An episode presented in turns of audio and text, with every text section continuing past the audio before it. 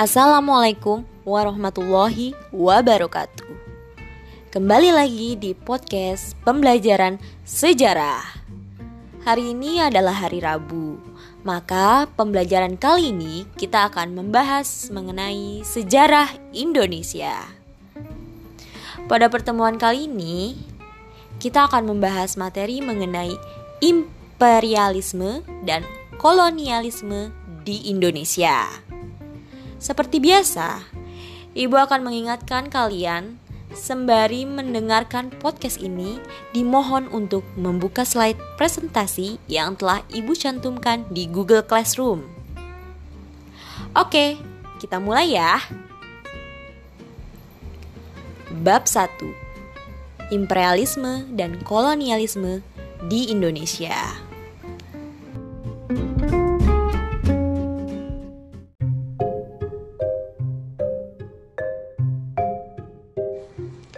Jadi, apa sih imperialisme dan kolonialisme itu? Untuk mencari jawabannya, silahkan dibuka slide nomor 3. Oke, jadi imperialisme dan kolonialisme itu apakah merupakan dua hal yang sama atau hal yang berbeda? Jawabannya adalah keduanya berbeda. Mulai dari kolonialisme, itu sendiri berasal dari bahasa Latin, yakni kolonia yang artinya tanah pemukiman atau tanah jajahan. Jadi istilah koloni itu udah lama banget dan sistem koloni itu muncul dari zaman Yunani kuno dan juga ada ceritanya loh. Jadi ceritanya di mana para petani Yunani itu suka berpindah-pindah tempat dari negeri yang tandus ke wilayah yang subur. Terus mereka beranggapan yang mereka tempati itu adalah bagian dari negara asal mereka. Dengan begitu, istilah koloni diartikan sebagai suatu wilayah tertentu yang dikuasai untuk diambil hasil kekayaan alamnya. Nah, tindakan untuk menguasai daerah tertentu dan menguasai wilayahnya itu disebut kolonialisme. Berbeda juga dengan imperialisme, yakni dari kata imperer dan imperium Emperor itu artinya memerintah, sedangkan imperium itu artinya hak untuk memerintah. Jadi berbeda juga ya. Istilah ini juga udah gak asing lagi di zaman kerajaan. Pada saat itu, seorang raja itu sering kali disebut dengan imperator. Nah, wilayahnya itu disebut dengan imperium. Jadi, rajanya disebut imperator, wilayahnya disebut dengan imperium. Pada zaman dulu, raja itu dipandang kebesarannya dilihat dari seberapa luas wilayahnya. Oleh karena itu, timbullah keinginan seorang raja untuk memperluas wilayahnya dengan cara membuat daerah lain. Jadi kesimpulannya seperti di PPT, Imperialisme itu suatu penjajahan yang dilakukan langsung oleh suatu negara terhadap negara lain. Imperialisme itu juga punya macam-macamnya. Ada yang berdasarkan waktu dan juga berdasarkan tujuan penguasaannya. Kalau berdasarkan waktu itu ada dua, yakni imperialisme kuno itu berlangsung sebelum terjadinya revolusi industri lah yang tujuannya itu gold, glory, dan gospel.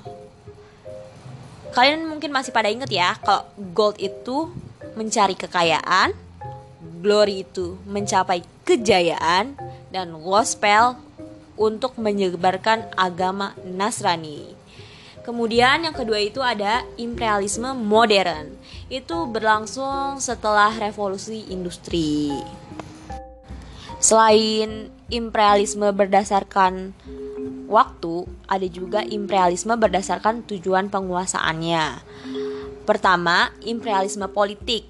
Tujuannya itu untuk menguasai seluruh kehidupan politik dari negara lain. Yang kedua, imperialisme ekonomi. Tentunya tujuannya untuk menguasai perekonomian negara lain. Yang ketiga ada imperialisme kebudayaan yang tujuannya untuk menguasai jiwa dan mentalitas suatu bangsa. Dan yang keempat atau yang terakhir itu imperialisme militer, yakni suatu usaha untuk menguasai daerah dari negara lain yang dianggap strategis dan menggunakan kekuatan militer. Oke, mungkin sampai di situ tentang imperialisme. Kita akan balik lagi ke kolonialisme. Kolonialisme juga mempunyai bentuk-bentuk. Nah, di sini ada bentuk-bentuk koloni. Yang pertama itu koloni penduduk. Kedua itu koloni ke kelebihan penduduk. Ketiga, koloni deportasi. Keempat, koloni eksploitasi. Dan yang kelima adalah koloni sekunder. Untuk kelima macam di koloni tersebut, kalian bisa searching atau browsing untuk mengetahui macam-macam koloni tersebut. Karena waktu dalam proses pembelajaran ini sangat terbatas.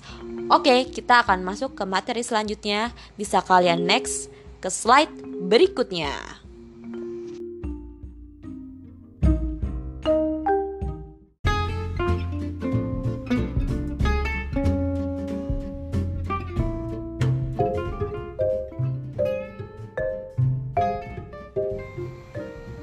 Kedatangan dan masuknya bangsa Eropa ke Indonesia.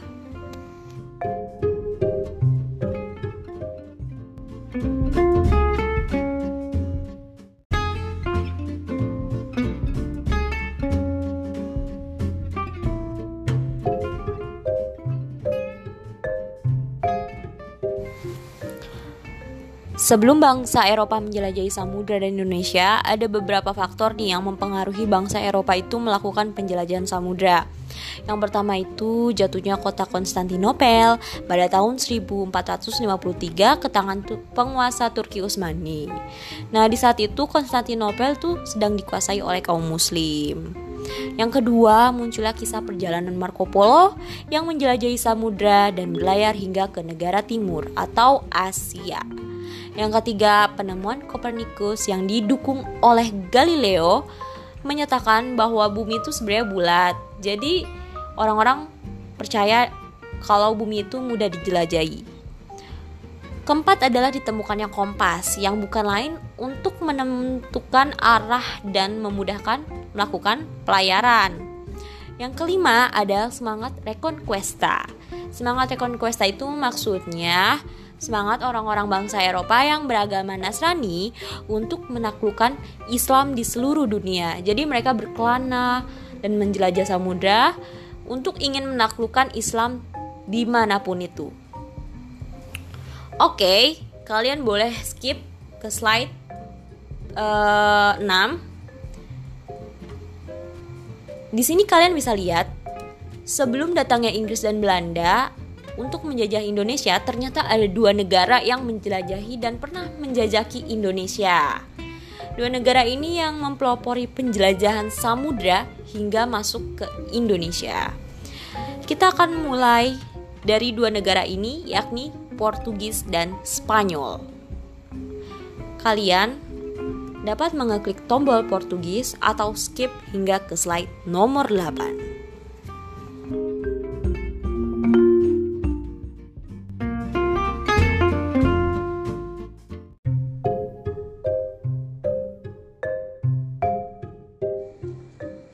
Kita masuk ke bangsa Portugis.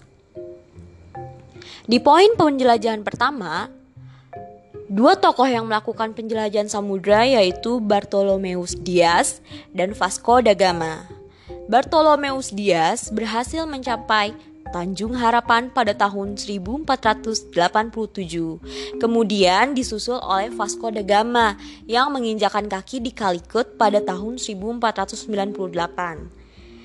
Ketika di pantai timur Afrika, Vasco da Gama bertemu dengan pedagang Islam. Hingga akhirnya ia telah mencapai di Calicut untuk mendapatkan rempah-rempah dan ia membelinya untuk dibawa ke Eropa.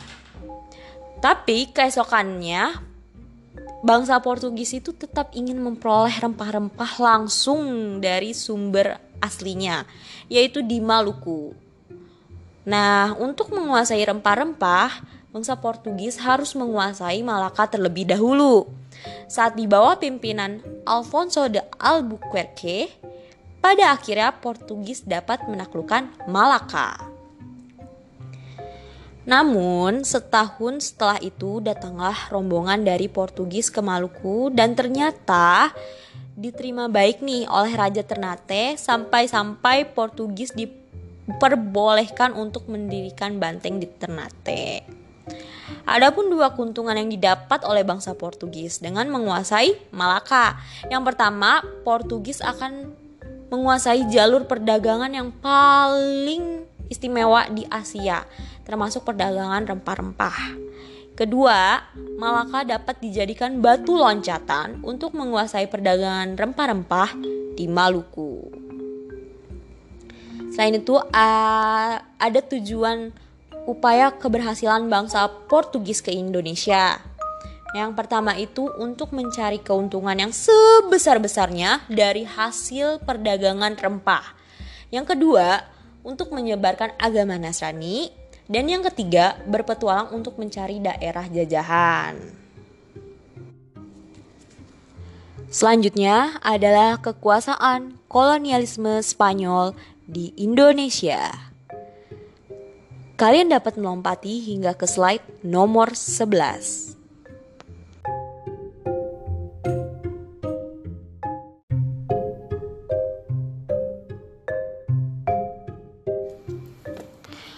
Oke, okay, sama halnya seperti ekspedisi atau penjelajahan Portugis, ternyata Spanyol juga disponsori oleh pemerintah atau kerajaannya. Nah, ada pengetahuan yang beranggapan bahwa dunia ini bulat bumi ini bulat, bah, uh, jadi menjadikan Christopher Columbus bermaksud untuk mencapai Hindia Timur dari arah barat. Akhirnya dia berlayar lebih dari dua bulan mengarungi Samudra Atlantik hingga sampai di Kepulauan Bahama di Karibia. Yang pada akhirnya ia sampai ke benua Amerika pada tahun 1492 hingga 1502. Berdasarkan perjanjian Tordesillas, bahwa adanya pembagian nih arah pelayaran antara Spanyol dan Portugis yang berlaku dari tanggal 4 Juni 1474 di mana Spanyol ini memiliki hak untuk berdagang dan berlayar ke arah barat sedangkan Portugis memiliki hak berdagang dan berlayar ke arah timur dihitung dari garis Tordesillas. Ingat ya, kalau perjanjian Tordesillas itu uh, pembagian arah pelayaran dan kekuasaan Spanyol dengan Portugis. Oke, selanjutnya perjalanan Christopher Columbus. Nah, perjalanan Christopher Columbus ini akhirnya dipelajari oleh Ferdinand si Ferdinand yang diam-diam melakukan perjalanan sampai ujung selatan Amerika, lalu menyeberang Samudra Pasifik, lalu mendarat di Filipina.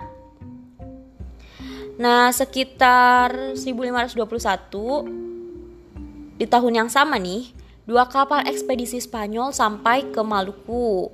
Ketika itu Maluku lagi terjadi perang dan persaingan antara Ternate dengan Tidore. Portugis saat itu mendukung si Ternate, sedangkan si Spanyol mendukung si Tidore. Karena kalah kuat, Tidore yang didukung oleh Spanyol ini akhirnya dapat terkalahkan oleh si bangsa Portugis yang mendukung Ternate. Spanyol pun juga dianggap melakukan pelayaran ke arah barat namun melakukan ekspansi ke wilayah Maluku. Ini tuh dianggap melanggar perjanjian perjanjian Tordesillas. Pada akhirnya diadakanlah perjanjian Saragossa. Jadi sebelum setelah perjanjian Tordesillas ada perjanjian Saragossa nih yang menyelesaikan perseteruan antara si Spanyol dan Portugis. Perjanjiannya itu membagi bumi menjadi dua wilayah kekuasaan. Spanyol memiliki wilayah kekuasaan sampai pada kepulauan Filipina, sedangkan Portugis memiliki memiliki wilayah kekuasaan hingga sampai ke Pulauan Maluku dari garis Saragossa. Karena itu Spanyol harus meninggalkan Tidore dan kembali ke Filipina.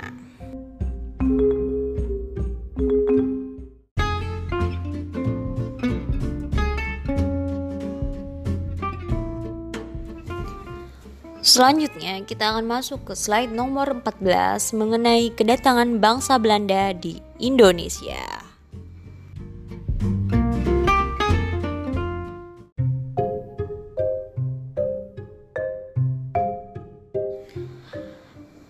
Jadi latar belakangnya bangsa Belanda datang ke Indonesia itu tuh disebabkan oleh dua hal. Pertama, terjadinya perang 80 tahun antara Belanda dengan Spanyol. Itu sekitar setahun 1568 sampai 1648. Nah, kemudian perang antara Belanda dan Spanyol ini itu tuh bersifat agama karena Waktu itu Belanda itu mayoritasnya beragama Kristen Protestan, sedangkan Spanyol ini agamanya Kristen Katolik. Namun perang tersebut makin lama makin berkembang menjadi perang ekonomi dan juga perang politik. Yang kedua itu adanya petunjuk jalan ke Indonesia dari Huygen van Linkosten. Huygen van Linkosten itu siapa sih? Dia itu merupakan mantan pelaut Belanda yang pernah kerja dengan Portugis yang pernah sampai ke Indonesia. Nah, pada akhirnya Cornelis de Houtman menempuh perjalanan ke Tanjung Harapan, kemudian dilanjutkan sampai ke Banten. Nah, di Banten ini ternyata kedatangan Cornelis ini kurang mendapatkan penerimaan oleh rakyat Banten karena rakyat Banten ini gak suka sama Cornelis yang sikapnya itu sombong dan bertindak semena-mena dengan rakyat Banten. Kenapa harus di Banten sih? Karena di Banten itu merupakan pusat perdagangan lada putih yang dicari-cari oleh bangsa Eropa. Begitu ceritanya. Dan sekitar tiga tahun atau dua tahun kemudian, datanglah juga orang yang berbeda dari Belanda bernama Jacob van Neck. Nah, uh, dia uh, dia ini keda dia ini malah kedatangannya disambut baik oleh si rakyat Banten karena saat itu si Banten ini sedang mengalami kerugian akibat ulahnya si Portugis. Di wilayah itu mungkin Belanda juga mengadakan perdagangan. Namun lambat laun uh, pe, ka, apa ya kaum perdagangannya semakin tidak sehat antar pedagang Belanda ya maksudnya uh, di sini tuh perdagangan Belanda ini semakin tidak sehat persaingannya antar si pedagang Belanda juga yang pada akhirnya Belanda itu mendirikan VOC Nah, VOC ini seperti perkumpulan usaha dagang. Mungkin nanti kita akan bahas lebih detail VOC itu di pertemuan selanjutnya.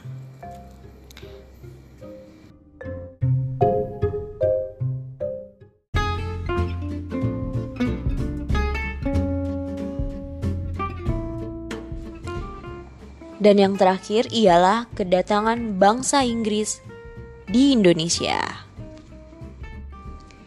Kalian bisa skip slide hingga ke nomor 23.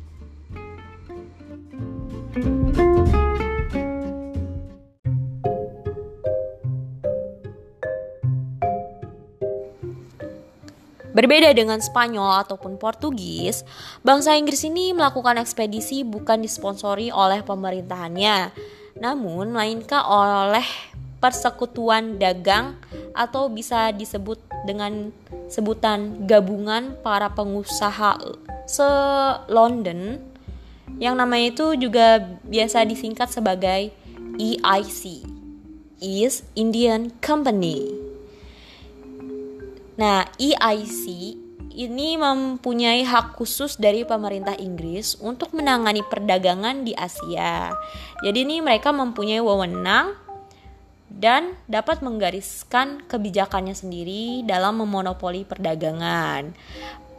Di akhir abad ke-16, EIC ini mengadakan hubungan dengan beberapa tempat di Indonesia seperti Aceh, Jayakarta, Banjar, Goa, dan Maluku. Namun, karena terdesak oleh Belanda, akhirnya Inggris ini tersingkir dari Indonesia. Hal itu terdapat di Perjanjian London atau Convention London dengan Belanda.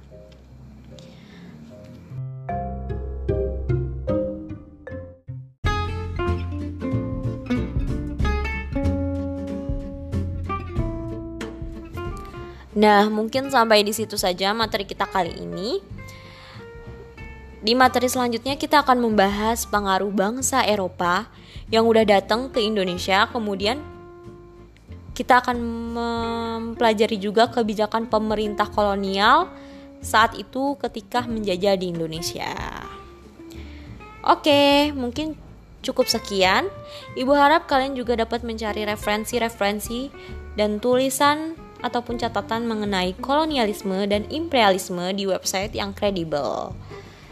Wassalamualaikum warahmatullahi wabarakatuh. Sampai jumpa di podcast pembelajaran sejarah selanjutnya.